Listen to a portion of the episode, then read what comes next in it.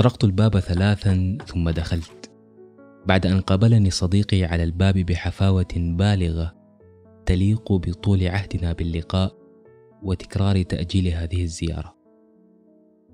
أجلسني في فناء بيتهم الخارجي بجوار أثمن ما يملكون جدته ودلف إلى الداخل يجهز الحلوى ولوازم الضيافة وتركني متأملا في التجاعيد التي انطوت على الكثير من القصص. رأيتها مهيبة داخل وشاحها الصوفي تداعب مسبحتها بهدوء وشاردة بعينيها العميقتين بعيدا صامتة أو ربما حزينة وغريبة عن المكان وكل ما فيه. قبل أن يعود صديقي إلي وتدور عجلة الأحاديث والدعابات بيننا وينتهي المشهد. دارت السنوات وزرت الصديق نفسه مرة أخرى لكن هذه المرة في قريته ومسقط رأسه. تحدثنا عن كل الممكن بداية من القرارات الاقتصادية الأخيرة وحتى خسارة ناديه المفضل. ثم سألته عن الجدة فدعاني للسلام عليها وكانت المفاجأة. رأيتها وردة تتوسط صويحبات المشيب.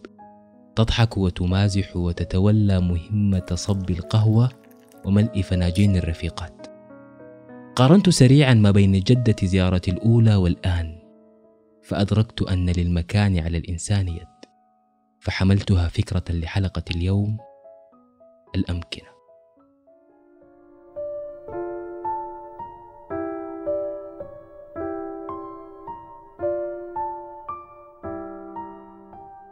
أنا محمد عبد الرحمن. أستغل ازدحام الناس وتشابه ملامحي مع الكثيرين للتردد على الأماكن باستمرار دون أن يلحظني أحد. أزور المقاهي وأمشط الشوارع وأستغل المواصلات العامة. فأصطاد عن دون قصد أفكارا ما من حديث عابر أو تصرف عفوي لتكون عناوين وموضوعات أتشاركها معكم في بودكاست أزرق. أفكار لم تلقى حظها من الانتباه وتفاصيل صغيرة ربما تختلف نظرتنا إليها مع كل حلقة. كل ذلك كان إلهامه اليوميات المتكررة ومصادفات العشوائية. المهم والمهم جدا للأمانة أنه ربما تستمع لحلقة ذات مرة وتكون أنت صاحب الفكرة في الأساس.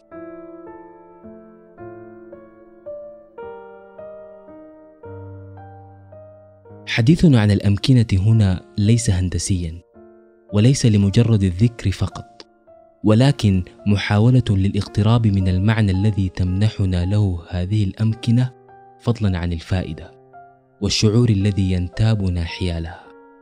حديثنا عن التفاعل السحري بين الإنسان والمكان والعطاء السخي الذي تكرمنا به هذه المساحات. رحلة محطاتها أمكنة شغلت حيزا فينا كما شغلنا حيزا فيها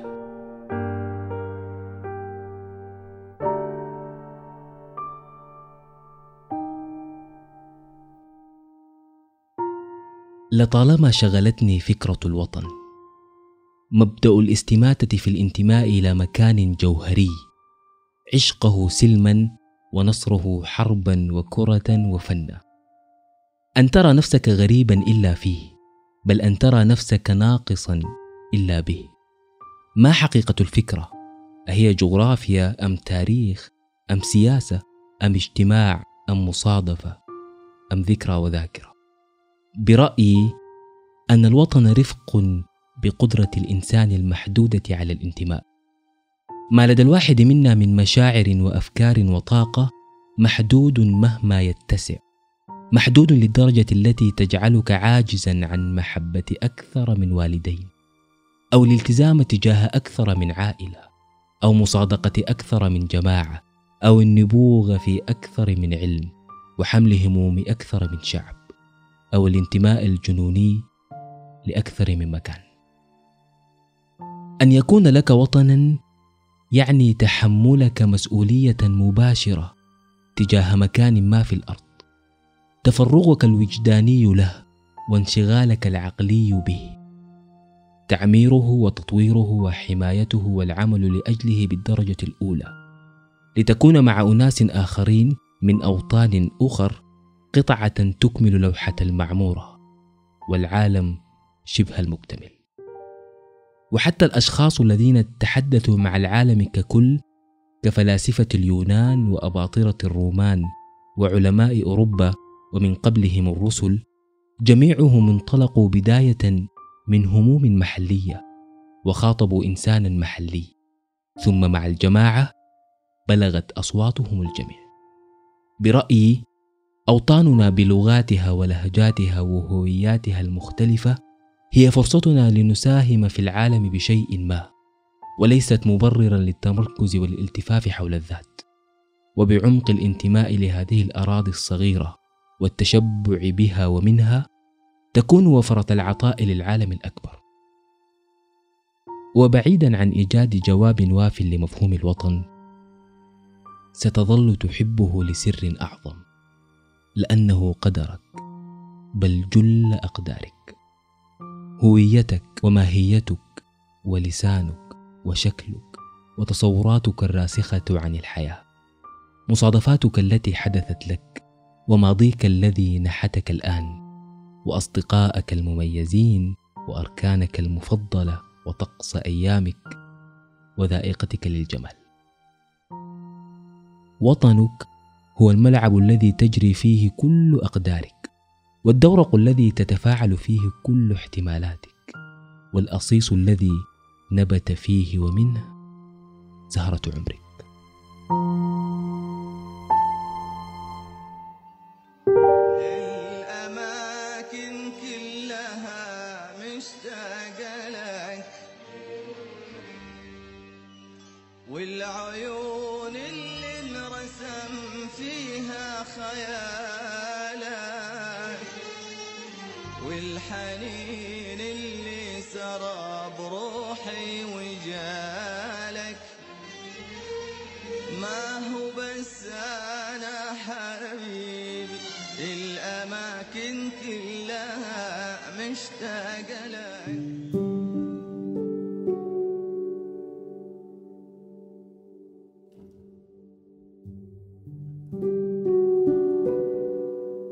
كل واحد منا على اختلاف سنه ومسار حياته يعيش تجربة تعلق واتصال عميق بمكان ما.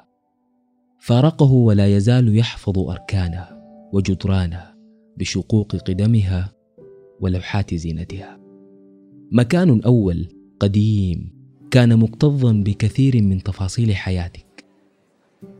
رد عليك مرارا ضحكاتك وأحاديث الأعزاء بصدى لا يزال يتردد في أذنك. أو مكان قديم كان شاهدا على حدث عصي على النسيان ومستبد للذاكرة. حالت الظروف دون بقائك فيه ومرت السنوات على زيارتك الأخيرة له ولكنك مضيت وأكملت طريقك متنقلا من هنا إلى هنا حاملا معك الكثير من ملامحه سواء كان هذا الارتباط العميق بمدينة أو بقرية أو بحي أو بشارع أو بمدرسة أو بمقهى أو منتزه قديم وسط الحي ما أود أن أقوله لك إن هذه الحالة قديمة وذات جذور. فالحالة التي عرفت بما يسمى البكاء على الاطلال قديما عند الشعراء العرب لم تكن إلا عقدة وثيقة بين إنسان ما ومكان ما. فقد كانت عادة عند شعراء العرب أن يستفتحوا قصائدهم بذكر الديار ووصفها أو البكاء عليها بعد أن دار عليها الزمان وأصبحت بمنزلة القاعدة الشعرية عندهم. ولم يشكل فارقا إن كانت الديار ديارهم أو ديار المحبوبة. لم نكتب قصائد ولم نعد نستفتح أحاديثنا بالوقوف على طلل أو ديار. لكننا معبؤون بغبار ذكرى مكان سكناه وسكنا فيه. لعبنا فيه صغارا واحتوى الكثير من شقاوتنا البريئة. ولا يزال في أجسادنا ندبات حميدة من سقوط على أرضه بعد لهو مع الرفاق. أو جلسنا فيه شبابا وغرسنا في أرضه أفكارنا الحالمة ونثرنا دعاباتنا الساذجة فأنبتت ضحكا أخضر بين جدرانه. تمشينا فيه تضغط أقدامنا على رخام رصيفه كالأصابع على لوح البيانو فترقص أعمدة الإنارة ويتمايل ظلنا على الطريق. عقدنا فيه عهود البداية ورسمنا عليه خط انطلاق لحياة وددنا أن نكملها معا. تسابقنا بقذف الحجارة في الماء أينا يبلغ مدى أبعد. وناقشنا تاريخ اليوم بمفتاح فضي على لحاء إحدى الأشجار. ذاكرة المكان تلك الحالة التي ملأت الطيب صالح فملأ بها أوراق رواياته. وعشيقها نجيب محفوظ فأجادها كاتبا وأدمناها قراء. نحن نخضر في كل مكان لكننا لا نزهر إلا في مكان واحد. حق الأماكن القديمة علينا زيارة. نمتن فيها للزوايا والأركان وللساحات وللجدران وللشوارع والجيران. نشكرها ومن فيها على ما منحوه لنا من مذاق صادق للحياة وحصة ثمينة من الوجود. برأيي الكثير من عبارات الغزل وأغنيات الحب يمكن أن نخاطب بها مكانا وليس إنسان. نقل فؤادك حيث شئت من الهوى. ما الحب إلا للحبيب الأول. كم منزل في الأرض يألفه الفتى. وحنينه أبدا لأول.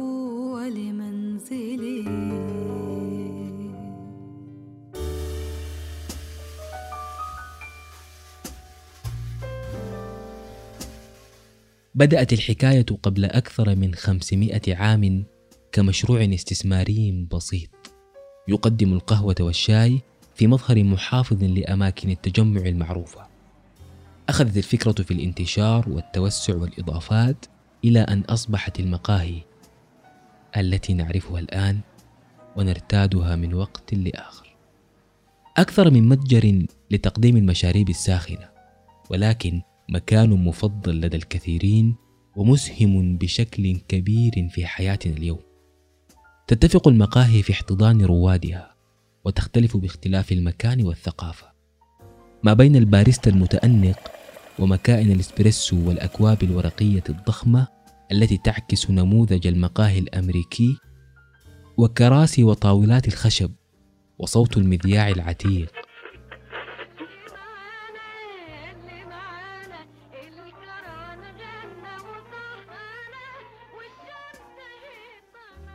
وقرقعة حجر النرد على صندوق الطاولة ومريلة القهوجي وجملته الشهيرة أيوة جاي في حواري القاهرة والمشهد الفريد من نوعه لبائعات الشاي والفحم ومقاعد الحبال وكنكة البن ورائحة الزنجبيل والبخور في شارع النيل أو بساحة إتني ملاذ المثقفين بالخرطوم. عمق ارتباطنا بالمقاهي يعود إلى حاجة الإنسان الماسة إلى الأماكن المشتركة والحيادية تلك التي لا يكون فيها ضيفا ولا مضيفا. مساحة تشاركية يتلاقى فيها مختلف الناس مهمتهم الوحيدة الحديث والتعبير عن الآراء. شيء مثل أروقة أثينا التي شكلت مهد فلسفة اليونان وسوق عكاظ والكعبة في موسم الحج اللذين كانا مؤتمرا لتبادل الأخبار والأشعار. والمقاهي العربية التي كانت بمنزلة النادي السري للرجال الهاربين من ضغط المعيشة وأمتنع عن ذكر بقية الأشياء حفاظا على العلاقة الودودة مع المستمعات من السيدات. ومع أن لقاءاتنا في المقاهي في وقتنا الحالي طابعها المواعده والترتيب المسبق إلا أنها ما زالت تمنحنا هذا الشعور شعور الإلفة والرغبة في الحديث. وكما لعبت المقاهي دورا اجتماعيا عظيما في مختلف مراحلها فقد لعبت دورا جوهريا في مجال الفنون والإبداع والأدب. بل يرى كثير من المفكرين أن معدلات الإبداع والابتكار في مكان ما ترتبط ارتباطا وثيقا بعدد المقاهي وجودتها والمساحات المشتركة فيه. كثيرة هي الأغنيات التي ولدت على كرسي مقهى. والأفكار التي لمعت أمام فنجان والكثير من أحاديث رواد المقاهي العفوية بروزت داخل نصوص روايات وكتب عالمية. مؤخرا بت أعامل المقاهي بمزيد من الاحترام وأستشعر عند الجلوس على إحدى طاولاتها بأني محاط بالكثير من الحياة. الآن وتحت هذا السقف المشترك خرجت العديد من الأفكار التي ستغير ولو قليلا في شكل الحياة. هناك زاد الكون جبالا بمقدار قصيدة. وهنا فصل أحدهم في قرار مصيري ارق منامه وعلى الجوار قلبان التقيا بعد توالي الفراق اياما واياما. وعلى اليسار ضغط أحدهم على زر الإرسال لإنهاء علاقة امتدت دهورا ودهورا. وهناك في ذلك الركن البعيد جلس ذاك وحيدا هادئا يرتاح من ركض الحياة ويسرح بعيدا في حلم ما ويبتسم مع خيالاته.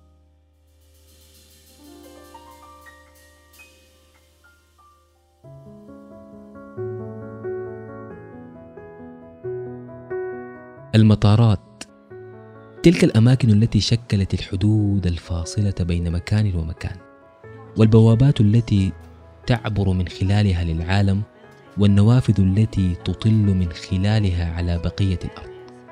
ثلاثة مشاعر يولدها هذا المكان داخل نفوس من زاروه إما شغف متوهج أو فرحة عارمة وإما حزن عميق. شغف من هو على بعد خطوة واحدة من زيارة مكان جديد لطالما راود الأحلام واحتل الخيال. موعد وشيك مع الدهشة. رؤية أماكن قرأت عنها كثيرا وضغطت على زر الإعجاب مرارا كلما صادفتك في ألبومات الانستغرام والآن أنت فيها. صرح تعليمي عريق ستنطلق من أروقته إلى مراتب أعلى أو معالم أثرية. وملامح سياحية ونكهات متنوعة وطبيعة خلابة ستبث داخلك النشوة وتنفض اتربه الاعتياد.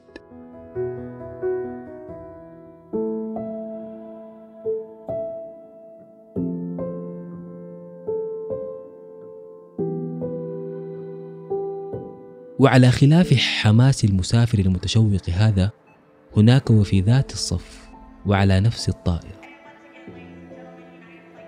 آخر يبكي على الطلل الأخير.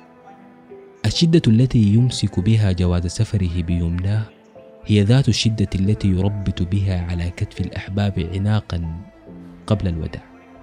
وذات الأحلام التي داعبت ليله متأملا في شكل المستقبل هناك سيقضي مثلها أرقا وهو يستعيد الذكريات تحت سماء جديدة لم يعتد عليها كغطاء. على غير البقية هناك الكثير من المجتمعات تتذوق السفر بطعم سيء. والمطارات التي تمثل بوابات للحياة في مكان تكون بمنزلة غيابات الجب في أماكن أخرى. فالسفر مغامرة شيقة إذا كان اختيارك ولكن سيبدو الأمر مغايرا إن كنت أنت اختياره وجاءك عابسا في ثوب الفرصة الأخيرة. الكثير من المجتمعات لا يخلو بيت فيها من مغترب. اشترى المعيشة بعمره واختار الغياب قهرا تحت تهديد الفقر. الكثير من المجتمعات تسأل كل ليلة متى يكف الاغتراب عن ابتلاع الأقربين. مللنا انغام الغناء المر واكتفينا من غذاء الذكريات الباردة. أخبر مدرسة الحياة انا فهمنا الشوق جيدا. امنحينا درسا جديد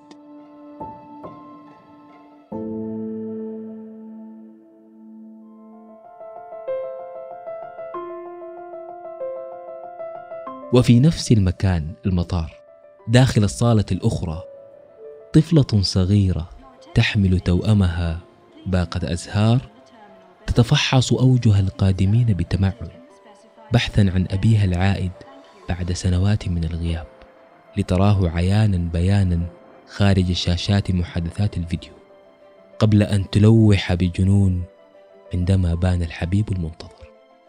وشابة على نفس السياج تفرك أصابعها بتوتر وخاتمها الذهبي يلمع داخل كفها المتعرق.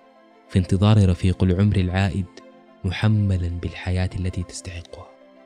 وسيدة وقور عبأت بريد الأرض رسائل وبريد السماء دعاء.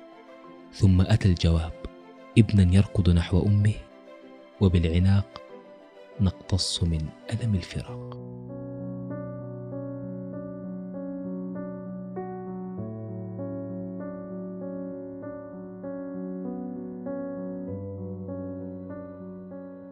من اللحظات التي تصلح أن تصنف على أنها كارثية ضياع ألبوم صور قديم أو تلف ذاكرة جوال حوت الكثير من الذكريات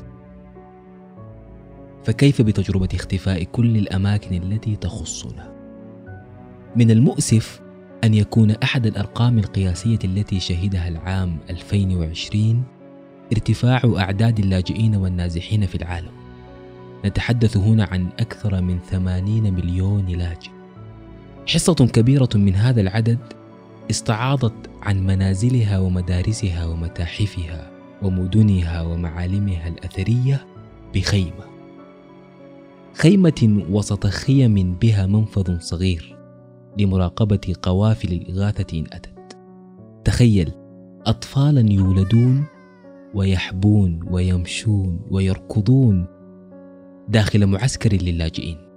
لا يملكون تصورا للحياة خارج هذا السياج وفي انقطاع تام عن أي مكان خارج هذه الأسلاك. وباعتبار أن جميع البشر ممن هم على المسار الطبيعي للحياة كونتهم التفاعلات والحوادث مع الأماكن المختلفة ومن فيها سنكون في المستقبل القريب على موعد مع شخصيات المكان الواحد وهويات الخيمة والوتد تريد أن تعرف أهمية المكان للإنسان؟ استمع إلى شهادات الناجين من انفجار هيروشيما الذي دمر 69% من المدينة أو تخيل نفسك مكان أحد اللاجئين عاجزا عن التمشي على الشاطئ أو العودة للمنزل أو مواعدة أحدهم في مكان مشهور على شارع رئيس واحدة من أكبر المعاناة التي يمكن أن يلاقيها الإنسان أن يفقد أماكنه مكرها من دون خيار.